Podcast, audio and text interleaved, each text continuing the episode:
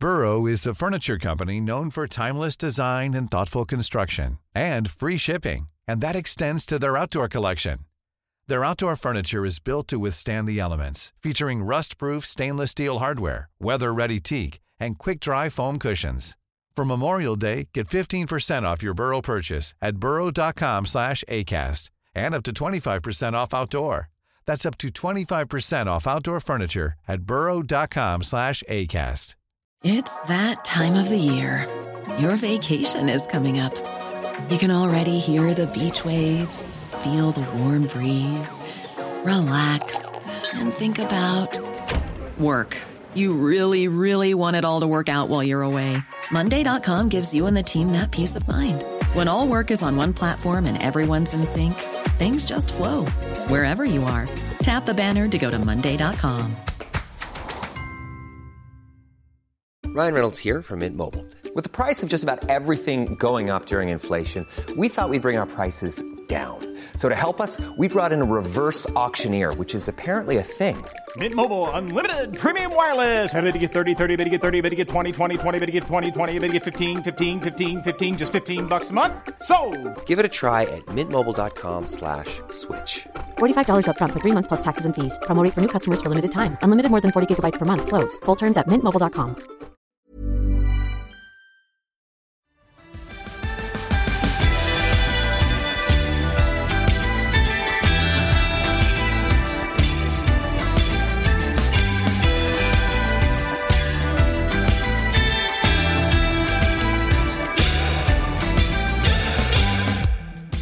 Hei og hjertelig velkommen til denne første episoden av en flunkende ny podkast om afrikansk politikk.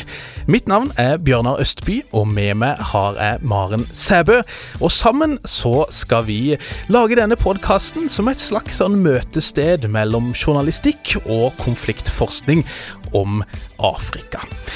Før vi begir oss inn på liksom hva vi skal snakke om i denne podkasten, og hvorfor vi mener det er viktig å lage en podkast om afrikansk politikk, så er det kanskje greit å bare introdusere oss først litt, og fortelle litt om vår bakgrunn og interesser når det kommer til det afrikanske kontinentet. Så Maren, hva er din bakgrunn og din på en måte vei inn i afrikansk politikk, om du vil? Jeg ble jo nå introdusert som journalisten i dette møtet, men eh, jeg har jo også litt bakgrunn som deg. Jeg har forska Mm. på konflikter eh, i Afrika, og særlig da i et par land som jeg også har bodd i, Angola og Sør-Afrika. Mm. Min bakgrunn er da som, som historiker på, på disse konfliktene. Og ved endt eh, hovedfag så har jeg da brukt 20 år på å, å reise rundt og, og skrive, fortsette å skrive om Afrika. Mm, mm.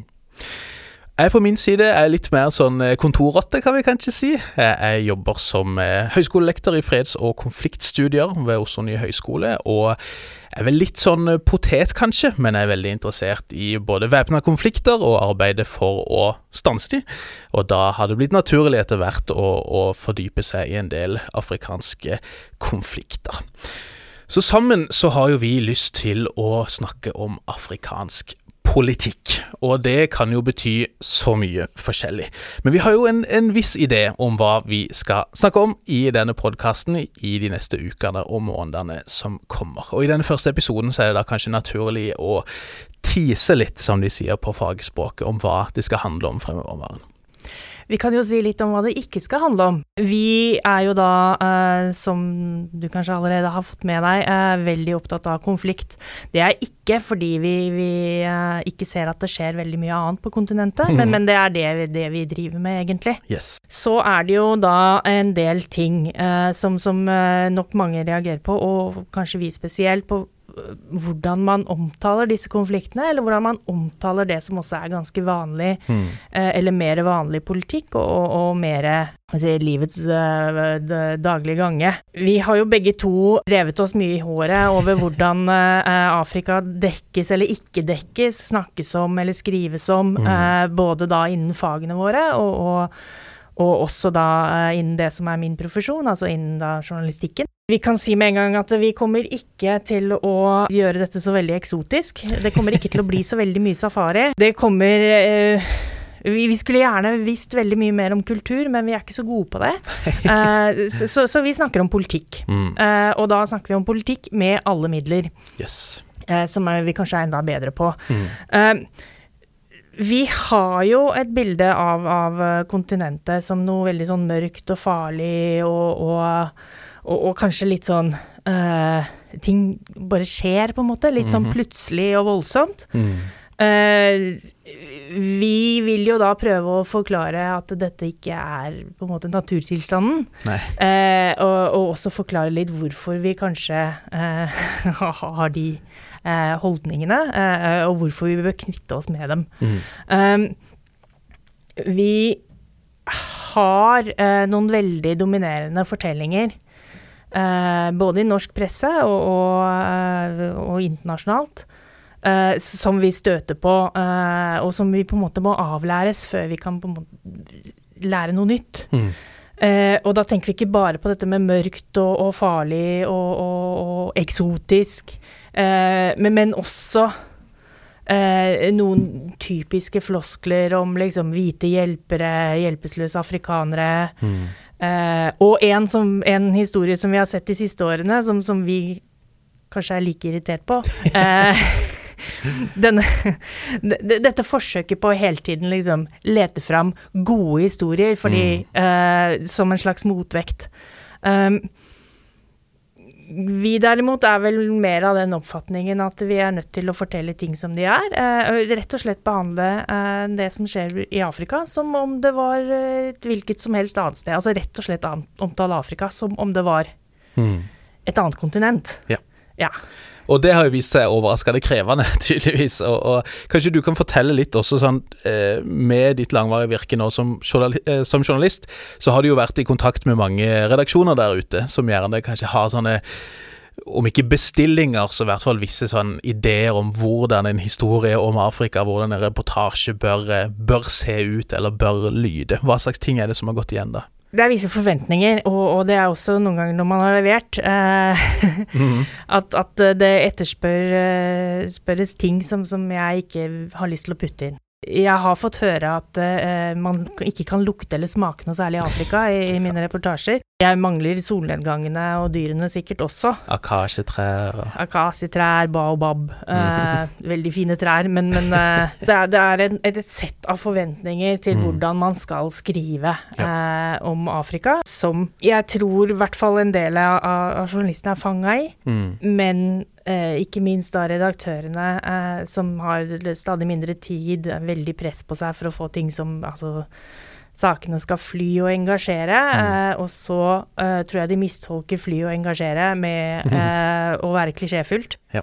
Det er også en forventning om en norsk knagg, noe som gjør at de få historiene vi får på norsk eh, fra kontinentet, veldig ofte har en veldig sentral eh, norsk eller norskbundet person. Mhm. Det er veldig få nordmenn egentlig i Afrika, sånn overall. Vi har veldig lite å si. Det er noen, noen land eh, vi har mer å si, og som er naturlig å snakke om en norsk knagg. Altså sånn Sør-Sudan f.eks. Vi kommer til å snakke en del om Sør-Sudan. Der er det naturlig å snakke om, om, om nordmenn. Ja. I de aller fleste andre land på kontinentet er det veldig lite naturlig å, å trekke fram hva nordmenn driver med. Eh, men det er ofte den forventningen vi som journalister blir stilt overfor Ja. Når vi skal levere. Altså, jeg skjønner det jo. Som journalist så skjønner jeg hvorfor vi skal skrive liksom engasjerende for et norsk publikum. At det kan være lettere hvis vi putter inn en nordmann, eller det kan være lettere hvis vi bruker noen typiske liksom Noe som folk føler at det er Afrika. Mm. Eh, samtidig så gjør vi jo ikke dette eh, med eh, historier fra Jo, i en viss grad fra USA, men, men ikke så ofte. Ikke Nei. alltid. Nei. Og det samme gjelder jo Altså, vi skriver jo ikke om europeisk politikk Mm. Uh, ved hele tiden å trekke fram en nordmann i Brussel, selv om vi innimellom gjør det. Mm. Uh, og, og vi skriver jo heller ikke om, om uh, forhold i Midtøsten mens vi, vi er på slep etter en norsk hjelpearbeider. Nei. Det hender vi gjør det, men vi klarer også å, å levere de andre sakene. Og det er de andre sakene når det er såpass lite dekning som det er, så er det de andre sakene som forsvinner, og så står du igjen bare med disse veldig eh, karikerte og, og veldig kan man si, knagget på Norge-sakene. Mm. Ja. Eh, som gjør at da, et større publikum jo ikke har noen forutsetning for å vite hva som egentlig foregår. På den ene sida så, så, betyr jo det at noe av denne dekninga egentlig blir nokså fordummende, på en måte. Vi, vi, får kanskje ikke en veldig god forståelse av hva som skjer, mm. samtidig som den også ofte er ganske fordomsfull. Sant? Og det kan virke rett og slett fremmedgjørende, heller enn å gjøre noe mer forståelig og kjent for oss, så ender det jo egentlig opp med å bare fremmedgjøre de menneskene og de fortellingene og opplevelsene som man prøver å beskrive. Da.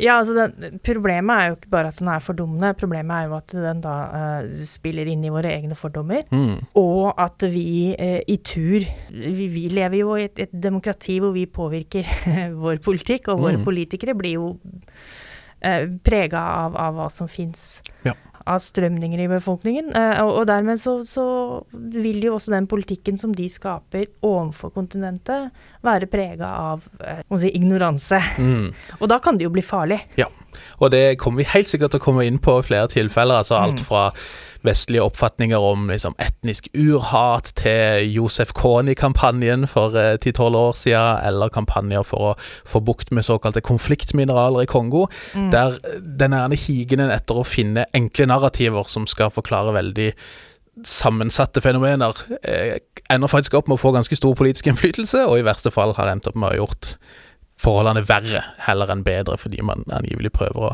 å hjelpe. Så dette er, Og litt av vårt poeng her er jo det at det kan kanskje fremstå når man, når man prøver å konfrontere visse liksom, måter å beskrive Afrika og afrikanske forhold på. Altså Det kan fremstå litt sånn semantisk eller bare som en sånn akademisk øvelse, så er jo mm poenget vårt at det tvert imot er veldig viktig, nettopp fordi at det kan påvirke politikk, og i verste fall da kan ende opp med å gjøre vondt verre heller enn en bedre.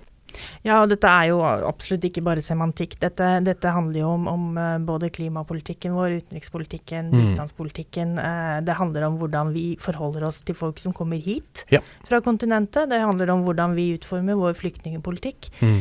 Eh, så dette har jo faktisk konsekvenser både for folk her og, og for folk da i Afrika. Mm. Og så tror jeg det er viktig å påpeke også, eh, siden jeg på en måte ikke driver med journalistikk sjøl, så, så er det jo ikke sånn at du bare er journalister eller redaksjoner eller for den saks skyld hjelpearbeidere som har vært med på å skape visse skal vi si, forestillinger om afrikanske forhold. Det ser man jo også i en del, kanskje særlig sånn 90-talls konfliktforskning, der, eh, der, det ofte er nokså kort vei fra forskerne til journalistene også, og der man får sånne ideer om at en del afrikanske konflikter enten er helt sånn meningsløse kriger om ingenting, liksom uforståelige, fordi ideologiene som tilsynelatende var så viktige under den kalde krigen, plutselig forsvant visstnok. Eh, så har vi disse som kanskje hang seg veldig opp i påstått sånn blindt etnisk urhat, eller stammekrig, eller lignende type begreper. De som kun fokuserer på disse forlokkende ressursene og på liksom bare reinspikka økonomisk opportunisme.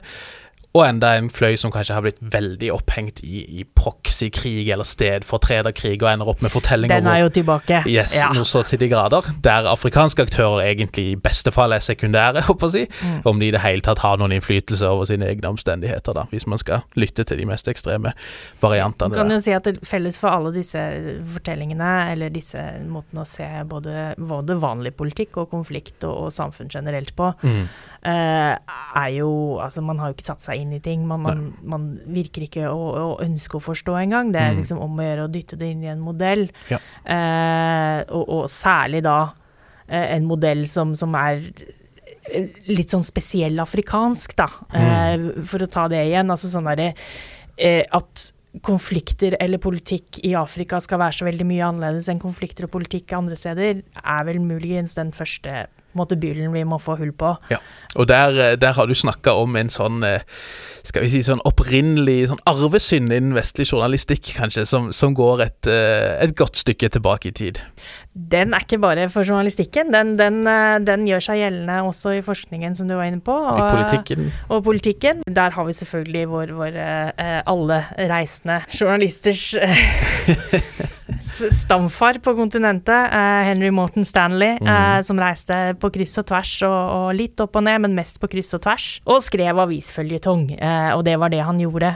han hadde både et par forløpere, et par såkalte oppdagere, som, som også skrev avisføljetonger, men det var vel Stanley som virkelig fikk gjennomslaget, og som ble oversatt til norsk også. Bare, bare året etter at han kom ut på, på engelsk, så, så, var han oversatt til norsk og, og, og kjørt i i det som fantes av norske medier og i, i bøker, eh, og ble uhorvelig populær. Mm. Problemet er jo at Stanleys eh, måte å skildre Kongofloden på sånn på 1880-tallet eh, henger ved eh, Vi har sett det helt opp i vår egen tid, mm. eh, ikke minst ved dekningen av Moland og French-saken som vi hadde for mhm. noen år siden. -hmm. Det går igjen veldig mye ja. Eh, troper, la oss si det. Ja. Eh, litt tropehjelp, og ganske mange troper, fra Stanleys opprinnelige skildringer mm. i, i, journalistiske skildringer hele veien opp til vår tid. Ja. Så har du fått noen avarter siden vi har nevnt Stanley, så må vi også da selvfølgelig nevne David Livingston. Mm. Uh, han har jo gitt opphav til en helt annen type litteratur, altså misjonslitteraturen. Mm. Og misjonsbildet av Afrika, som også selvfølgelig har vært veldig utbredt i Norge. Mm. Fordi det har vært en, en, slags folkebevegelse. Hvor jeg tror folk i begge våre familier har sikkert vært med og strikka og hekla. Uh, og vært på bedehuset og hørt disse historiene. Og, og, det har også vært en fortelling som har stått veldig sterkt her til lands. Ja, ja. Vi har et par fortellinger til. Vi var inne på den bistandsarbeider- og solidaritetsarbeiderfortellingene. De er mm. litt mer komplekse uh, og litt nyere, men går i noen av de samme fellene. Mm. Det er veldig sånn Afrika er litt der til for oss. Ja. Uh, og, og, man forenkler selvfølgelig den politiske kompleksiteten, eh, enten fordi man ikke Eller veldig ofte fordi man ikke uh, skjønner den. Mm. men også noen ganger fordi at det jo ikke handler om å forklare Nei. en kompleks situasjon, men å mobilisere sympati og penger. Altså For all del, det er ikke noe, er ikke noe gærent med, med den, disse fortellingene hvis de ikke hadde gjort noe skade. Mm. Det, er, det, er, det øyeblikket de begynner å gjøre skade, eller de øyeblikkene de påvirker politikk. Ja. Som i Norge både misjonen og bistandsmiljøene har gjort. Mm. Og også andre, eh, med, med, andre motiver og, og, og, kanskje litt flere guttebøker, litt mer Stanley-typen i mhm. hodet. Mm. Eh, har fått påvirke politikk uten kanskje å ta inn over seg hvordan forholdene er på bakken. Og så er det litt sånn krevende, for sånn som du sier, så, så, er det jo Du har den ene fallgruva som bare er på en måte doom og gloom og mørkt, fremmed, skummelt, men også eksotisk og forlokkende kontinent, og så har du den andre der en sånn litt krampaktig motreaksjon, der det plutselig blir veldig viktig å skulle fortelle gode, positive historier for å unngå at Afrika bare blir knytta til liksom, kriser og humanitær nød og elende. Men også den fløyen der risikerer på en måte å å si, sånn som jeg forstår det i hvert fall, at til syvende og sist så er det ikke egentlig verdt å snakke så mye om konflikter og kriser. At man normaliserer egentlig det man påstår ikke er normalen i Afrika, ved å si at dette er ikke nyhetsverdig. Jeg, jeg, tenker det den største problemet med, med det der å skulle øh, på en måte kutte ut de, de, dårlige historiene og nå liksom pumpe på med gode historier, er mm. at du har egentlig definert ut eh, kontinentet som et sted der ting skjer med en mening. Du, du, du sier at det liksom sånn der Nei, nå har vi hørt så mange vonde historier, nå skal vi kjøre på med noen gode historier. Ja. Eh, men vi gjør jo ikke det om europeisk politikk. Nei. Igjen, altså vi må jo behandle kontinentet som et hvilket som helst annet kontinent. Det mm. skjer både gode og dårlige ting hele tida. Mm -hmm. Akkurat vi er liksom i businessen av de litt sånn vonde og vanskelige tinga. ja. uh, mens andre er mye flinkere. Fellesrådet har en pod. Mm. Uh, NRK har noen flotte musikkprogrammer. Uh, det fins liksom det fins andre som tar seg av kultur og, og, og det, ja. de diskusjonene der. Mm. Men tilbake, man kan ikke begynne å veie opp de dårlige historiene med bare gode historier, for da driver man ikke med nyheter. Nei. Uh, og da driver man heller ikke med konfliktforskning, vil jeg tro. Nei. det handler om å ta ting på alvor. Mm, mm, mm. Uh, å ta kontinentet på alvor. Ikke nødvendigvis si 'dette er bra' eller 'dette er dårlig', men, mm. men altså sånn Få litt alvor inn i det, og, og, og, forsøke å forstå. Ja. Og det er jo på en måte vårt instinkt, eller vår refleks i møte med ting som fremstår komplekse, at vi tenker dette er spennende, det har vi lyst til å prøve å forstå. Sant? Vi blir veldig nysgjerrige, ja. og så tenker vi at eh, folk flest også egentlig er nysgjerrige. Yes. Uh, det er jo, siden vi var inne på hva redaktørene forventer når man leverer stoff fra Afrika, så skal mm. det være så enkelt som mulig. Mm. Og vi har jo dumma ned stoffet nå i, i, i hvert fall så lenge jeg har vært yrkesaktiv, og, og det jeg kan lese av tidligere synder, så, så så har man gjort det før min tid også. Man, man dummer ned, og dermed så blir det flatt og kjedelig, og så vil enda færre lese eller høre eller se. men, men vi tror jo at med litt mer kompleksitet, så blir folk mer nysgjerrig, og så vil de også vite mer. Nettopp. Så vi tror på dere, kjære lyttere, og behandler dere som voksne. Så det vi ønsker er rett og slett, da, for å si det litt flåsete, å ta politikken inn igjen, og behandle afrikansk politikk som de politiske utviklingene de faktisk er. Der det er aktører som tar eh, beslutninger, som utformer sine interesser osv., eh, og, og prøver rett og slett behandle kontinentet på alvor prøve å forstå, heller enn å forkaste ting som uforklarlige eller meningsløse eller håpløse, eller hva det måtte være.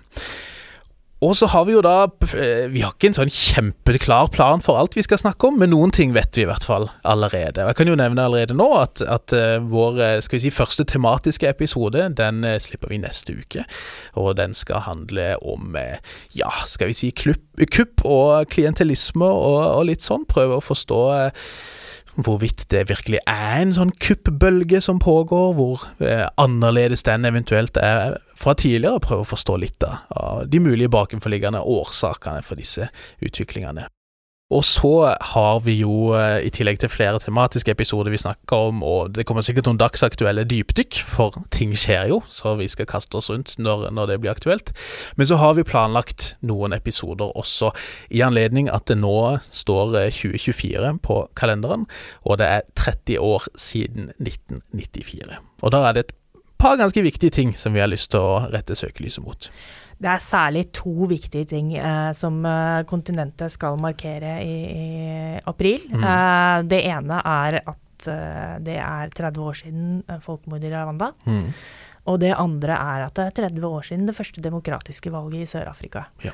Disse tinga skjedde nesten samtidig, mm. eh, og har hatt veldig mye å si for utviklingen på kontinentet. Så vi tar egentlig 1994 litt som sånn år null. Mm. Vi kommer garantert, akkurat som vi akkurat gjorde om Henry Morton Stanley, eh, og snakke litt om, om 1800-tallet og sikkert 1700-tallet eh, på et tidspunkt også. Men først og fremst skal dette handle om de siste 30 åra, mm. Eh, og, og de tinga som har skjedd i kjølvannet da av disse to veldig viktige, vil man si, litt sånn watershed, eh, ja. vannskille heter det på norsk, ja.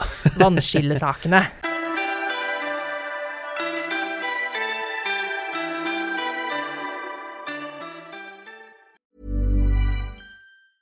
Everyone knows therapy is great for solving problems, but getting therapy has its own problems too, like finding the right therapist, fitting into their schedule, and of course, the cost. Well, BetterHelp can solve those problems. It's totally online and built around your schedule. It's surprisingly affordable too.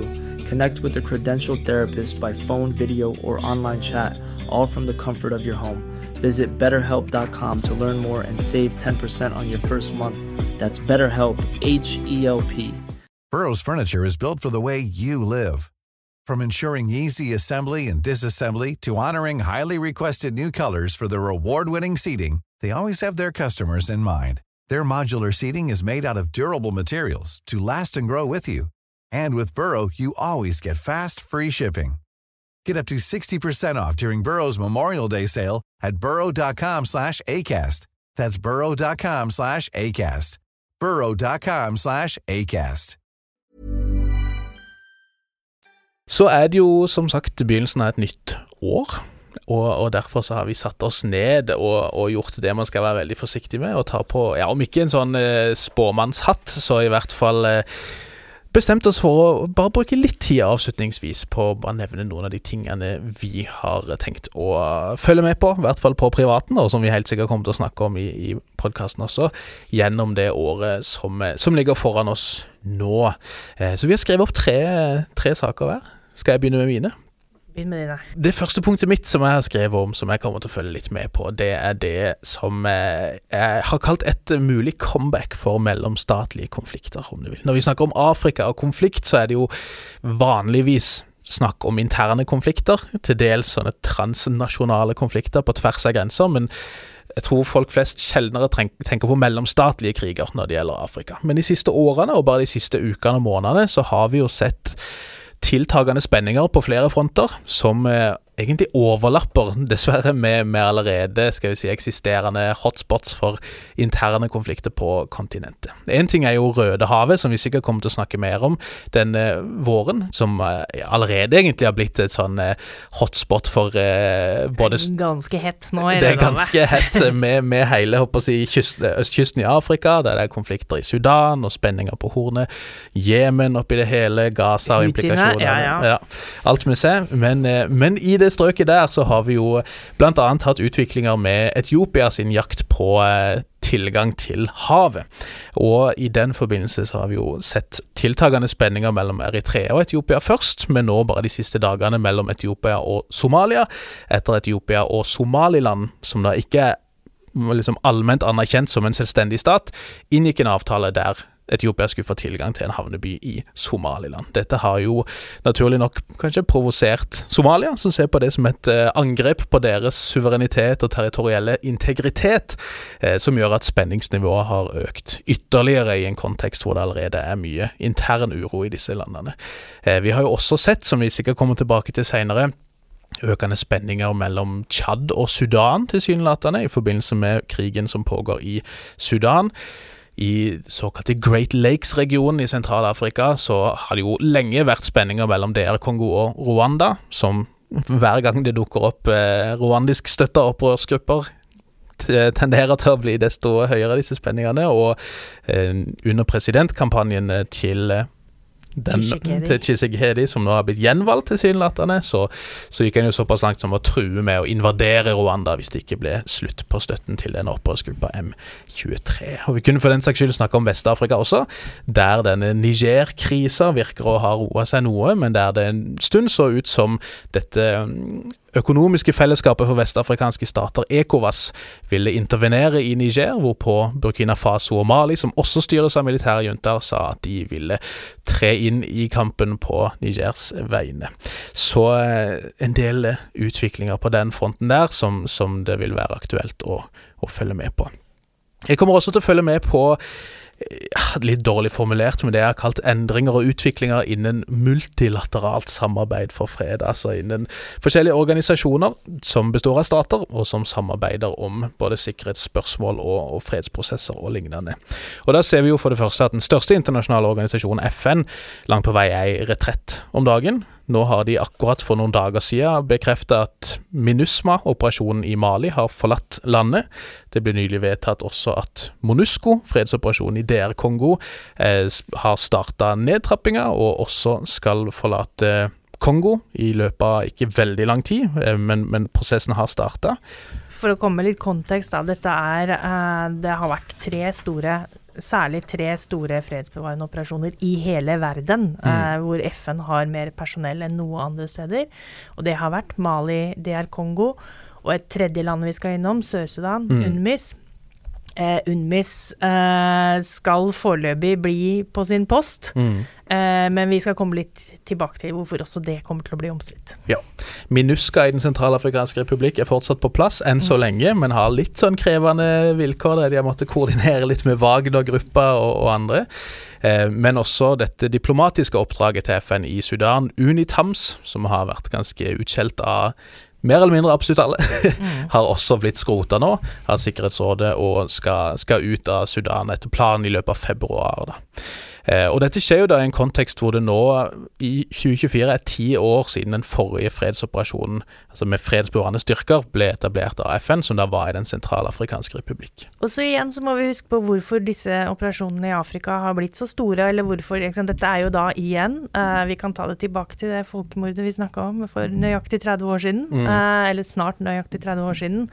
Uh, dette var jo De store FN-operasjonenes tid mm. kom jo i dette årtusen. Fordi man ville forhindre den type situasjon som man så ja. i Rwanda i 1994. Mm. I løpet av dette året så kommer dette til å avsluttes. Mm. Så kanskje, kanskje, kanskje. Kanskje, men jeg tror vi ser noen, eh, ja. konturene av, liksom slutten på det som har blitt kalt stabiliserende operasjoner, med robuste mandater, for å bruke Mm. sånne FN-eufemismer. Store, tunge, tungt bevæpna operasjoner som, som ser ut som å gå på, mot slutten. Når vi er inne på Kongo, så, så er jo det et av disse landene der det er veldig mange sånne klisjeer som, som svirrer. Men det er helt riktig at det er et ressursrikt land, for så vidt. Det er helt riktig at det er mange væpna grupper i, som opererer øst i landet. Og i den forbindelse så har jo flere forskjellige koalisjoner av stater forsøkt å bistå, mer eller mindre. De har i hvert fall sagt at de har prøvd å bistå. Så i tillegg til denne MONUSCO-operasjonen, så har den såkalte subregionale mellomstatlige organisasjonen East African Community hatt styrker fra syv forskjellige land inne. De er på vei ut etter at Shisekedi og befolkninga i øst også virker det som har vært misfornøyd med innsatsen de sin, og nå er en annen organisasjon i vei da, er i ferd med å sende inn styrker dit. Denne South African Development Community, eller eh, SADC Sadek. som eh, er i ferd med å på sin side trappe ned en operasjon nord i Mosambik, der de har hatt styrker sammen med Rwanda bl.a. for å prøve å slå ned et, eh, et opprør i Cabo Delgado-provinsen. Eh, Vi kunne fortsatt videre også for så vidt til Vest-Afrika, hvor denne gruppen av fem stater i Sahel, G5 Sahel, i praksis er, er død, tror jeg nesten vi kan si. Ja. Eh, Jeg, jeg tror vi kutter det kort, så ser vi tendensen er mindre av de store FN-operasjonene, Mm. eh, de såkalt stabiliserende styrkene, mer eh, fragmentering eh, og mer ansvar Mm. på det som er regionale organisasjoner, som vi, jeg tror vi kommer til å snakke en god del om i denne sesongen. Mm. Eh, rett og slett fordi det er kjempefascinerende. Men uh, ut med FN, inn med Sadek, Ekovas, G5, Mm. uh, ASS. ASS er det nye ja, Alliance of Sahel States. Mali, Burkina Faso, Niger. så, så det er mye Og i bevegelse, ja, ja. For, for å si det slik. Noe vi vel begge kommer til å følge med på, kan vi si, før du skal fordele dine, det er jo situasjonen i eh, Sudan særlig, men også hvordan den henger sammen med situasjonen i Tsjad, som Ja. da deler grense med Sudan, og særlig da med Darfur-regionen sørvest i Sudan. Og jeg ser jo det er en del vestlige både analytikere og policymakers som er ganske bekymra over situasjonen i Tsjad, egentlig. Mm. For altså, historisk også så har man jo sett et ganske sånn eh, tett forhold, om ikke en sånn delt skjebne mellom situasjonen i Darfur og situasjonen i Tsjad. Men eh, mannen som styrer skuta der, Mohammed Deby, sønnen til avdøde Idris Deby, han eh, står litt i skvisen. Han eh, trenger støtte fra generaler fra sin egen folkegruppe, Sagaba-folket. Og disse gutta er ganske fiendtlig innstilte til Hemeti, karen som leder disse Rapid Support Forces i Sudan, som har stått for fryktelige overgrep nå i, i Darfur særlig, men har avansert i, i større deler av, av, av Sudan i det siste. Han har også noen slektbånd i Tsjad, og det er visstnok litt frykt i den leiren der for at han kunne prøvd seg på å, å ta tronen der på sikt, så de ønsker en, en svak Hemeti helst. I Sudan så vil man jo ofte si at Hemeti egentlig er fra Tsjad. Ja. Så de kan egentlig krangle om å ikke ha han. Ja. Eh, men de som har han eh, helt øh, åpenbart for øyeblikket, er dessverre Darfur. Ja. Eh, og der fyker jo han ganske hardt fram. Mhm. eh, og nylig så snakka man jo om at det ville skje i Sudan, som det skjedde i Libya, at Ja. eh, staten gikk i to. Mm. Libya er fortsatt en delt eh, stat. Og eh, at man i Sudan da ville se at eh, Hemeti og han rapid, hans Rapid eh, Support Forces eh, ville holde Darfur, Kordofan og kanskje et par andre Mm. litt opprørske regioner.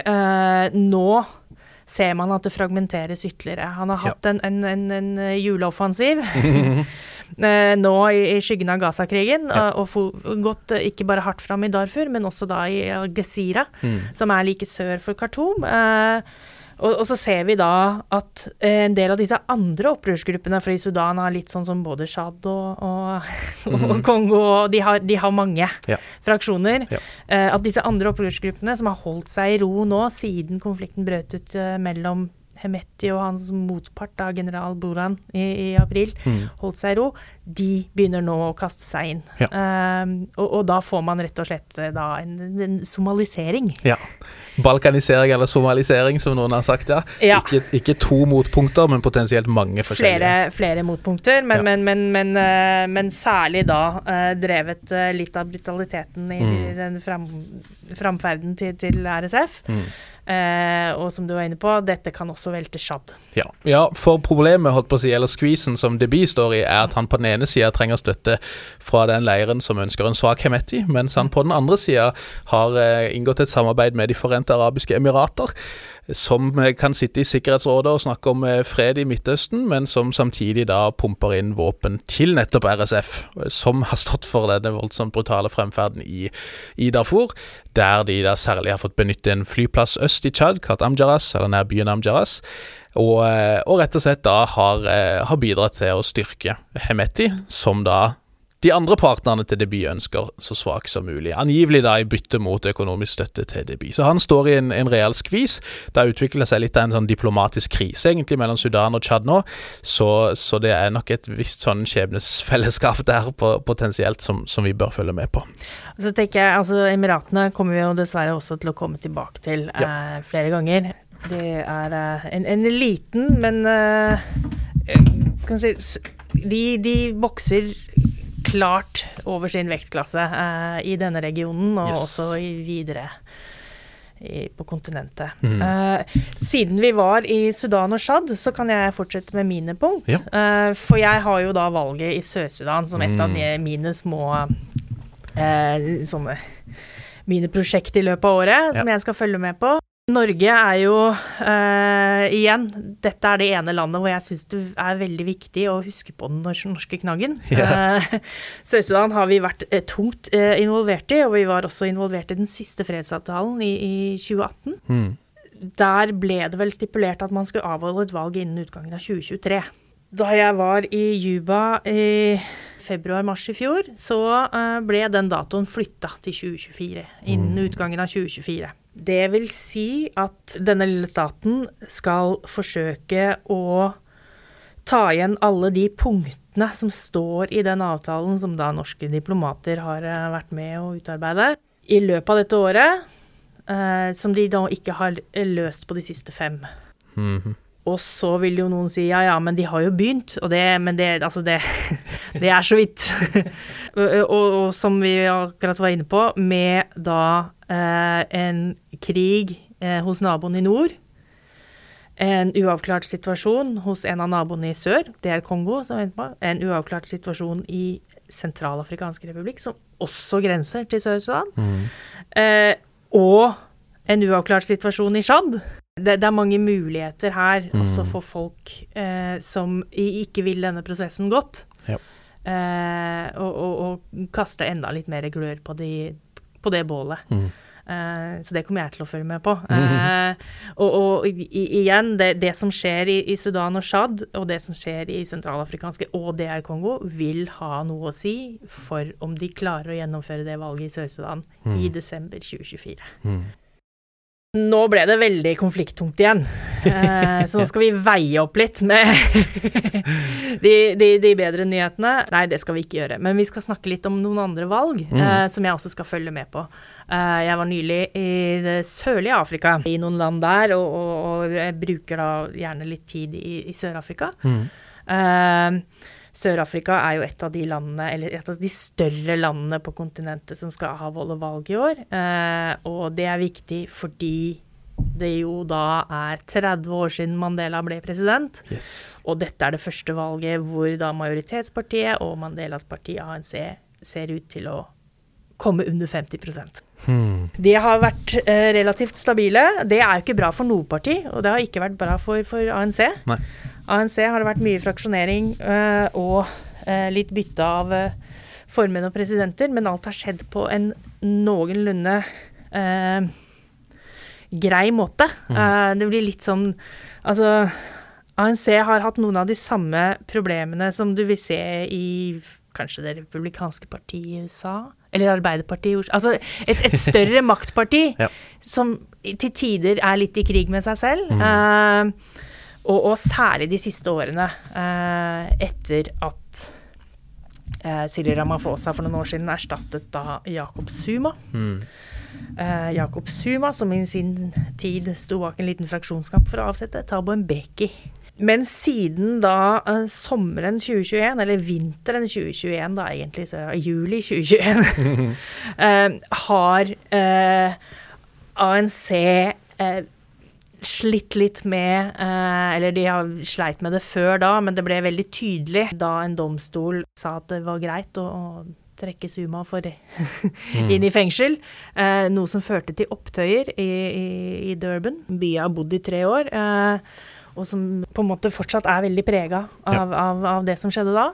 Opptøyene i Durban og etter hvert i uh, bydeler utenfor Johannesburg og Pretoria, eh, og så et par andre steder i landet, var svært voldelige. De var retta mot uh, i Durbans del både afrikanere fra andre land i Afrika, men også den asiatiske befolkningen, eh, som er veldig sterk i Durban. Det som vel har kommet fram, var at det, det, det er jo ikke tilfeldig at dette selvfølgelig skjedde i det øyeblikk man skulle fengsle Jacob Zuma, eh, men hvor mye deler av ANC var involvert i disse eh, uh, si, opprøret mot seg selv. Ja. Det, det har man vel ikke helt klarhet i, men, men, men man frykter jo noe tilsvarende eh, når det kommer en valgkampanje nå. Nå skal det sies at jeg fikk inntrykk av sist jeg nå var i Sør-Afrika, som det har roa seg en del. Og også denne voldsomme si, xenofobien mot afrikanere fra andre deler på kontinentet har på en måte fisla litt bort. Altså det har vært noen voksne folk på jobb. Ja. eh, og, og man har tatt, latt rettsapparatet liksom gjøre jobben sin i forhold til liksom eh, de som eventuelt eh, sto bak i, i 2021, og, og man gjør rettsapparatet gjøre jobben sin i forhold til korrupsjon. Og så halter på en måte selve partiet da ANC litt videre. Altså det at de handler under 50% det tror jeg de bare har godt av. Ja. Det, det, det er godt for ethvert parti. Det, det, det skjer nå en, en, en politisk organisering og mobilisering utenfor ANC. Eh, og det er jo et sunnhetstegn. Ja. Eh, og så er nok også Jakob Zuma i ferd med å bli for gammel til å lage veldig mye styr. Uh, selv om han fortsatt har sine støttespillere innad i partiet. Men i hvert fall, det blir veldig interessant å følge med på det valget. Mm, mm. Særlig når man har fulgt den historien i 30 år. Ja. Det siste som sto på min liste, uh, nå skal jeg bli enda mer optimistisk, er jo uh, Når man er ute og, og, og reiser i, i, på kontinentet, uh, som jeg er noen måneder i året, så legger man merke til at det, det tas uh, det tas sjumilssteg teknologisk. Mm. Da jeg var barn på 80-tallet, så var jo sånne ting som liksom strøm og telefon, det var ikke sånt man hadde. Og, og det var så som så med, med veldig mye logistikk. Det som er veldig påtagende nå, er at man har hoppa over et par av disse stegene. Altså sånn Man trenger jo ikke lenger telefonlinje, og man trenger jo ikke lenger en strømlinje heller, fordi alle har jo fått små solcellepanel. Mm. panel. Eh, og økonomien. Altså, man trenger heller ikke banktjenester. Eh, for du har fått en voldsom oppløsning i sånn app-økonomi, og, og hvor ting betales bare altså, Jeg gjør det jo sjøl. Altså sånn Mm. Eh, Når jeg var i Zimbabwe nylig, et land som da faktisk fortsatt har litt sånne økonomiske sanksjoner hengende over seg, og, og sant? Det, det funker ikke helt å overføre penger til en bank i, i Zimbabwe. Mm. Men det funker jo å bruke telefonen når du skal finne en taxi og betale for den. Mm. For det fins liksom apper. Ja. ja. Jeg tror det er fire eller fem apper bare i Harare. Så Så ja, du kan liksom tilkalle en taxi. Ja. Og, og, og det at man hopper over disse stegene og, Mm. og kommer Blir Altså man får den infrastrukturen som alt, alt dette utviklingsarbeidet gjennom 80- og 90- og, og begynnelsen av 2000-tallet ikke klarte å gi. Eh, det, det har noe å si for folk. Mm. Ja. Det gjør at folk blir liksom mer eh, på. Det Mm. gjør at folk får mer utdannelse. Det er mye lettere nå å, å få med seg hva som skjer rundt det. Og det, det gjør jo selvfølgelig at det da denne svære generasjonen som man snakker om, som, som kommer nå, vil klare seg på en helt annen måte Mm. enn tidligere generasjoner. Og det kommer jo til å endre kontinentet.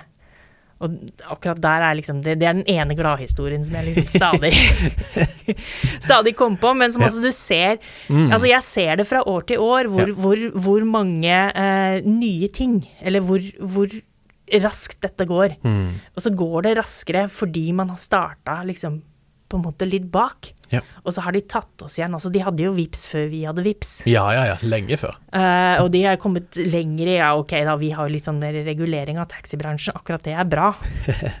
men, men de har kommet lenger uh, når det gjelder både å, bestille og betale tjenester Mm. uh, med en app på mobilen. Ja. Det er jo fint å slutte med noe litt, mm. litt lystig, i hvert fall. Det betyr også at vi får mer informasjon om hva som skjer, da. Nettopp. Ja. nettopp. Og det er, er fint for, for folk som, som oss, som er interessert i det som foregår, foregår på kontinentet. Vi, vi går rett og slett inn for en landing der i vår første lille sånn eh, premiere, om du vil, men vi er tilbake allerede neste uke, som sagt, med en episode om, om kupp og klientelisme og sånt. Eh, enn så lenge så eh, kan vi jo oppfordre til å liksom like og dele og abonnere og sånt. Eh, du finner denne podkasten, altså du har allerede funnet den, så det er jo fint, men du finner den der du eh, foretrekker å høre på podkaster, og det er lurt å trykke abonner, sånn at du får de nye episodene rett inn. Vi har ikke bundet oss til noen sånn veldig rigid eh, schedule der vi kommer til faste tidspunkt, så så lenge du abonnerer, så popper episodene opp i feeden din. Og så har jo du ei eh, nettside, Maren, som heter bundu.no, og ei Facebook-side som heter Bundu der vi oppfordrer dere til å eh, gå inn. Følg gjerne sida på Facebook hvis du er på Facebook, og bruk gjerne bundu.no også. Der kommer vi hver gang vi lager en episode til å legge ut en liten sak med link til episoden, men der vi også vil legge ut litt sånn ja, ekstra materiale, om du vil. Litt, en leseliste med litt linker og tips til videre lesing, basert på det vi har snakka om. Og jeg skal sørge for at hver gang den saken er ute på nettsida, så legger jeg en liten link i podkastbeskrivelsen. Så er det hyggelig med innspill fra dere lyttere også. Er det noen eh, ting dere har lyst til at vi skal snakke om, f.eks.? Er det noe tematikk dere ønsker en episode om, eller ris eller ros, så finner dere kontaktinformasjon inne på bundu.no. Så, så gå inn der, og så finner du oss dersom du har lyst til å få tak i oss. Jeg tror vi gir oss der. Tusen takk til deg, Maren. Takk, takk. Takk for oss. Vi høres igjen neste uke.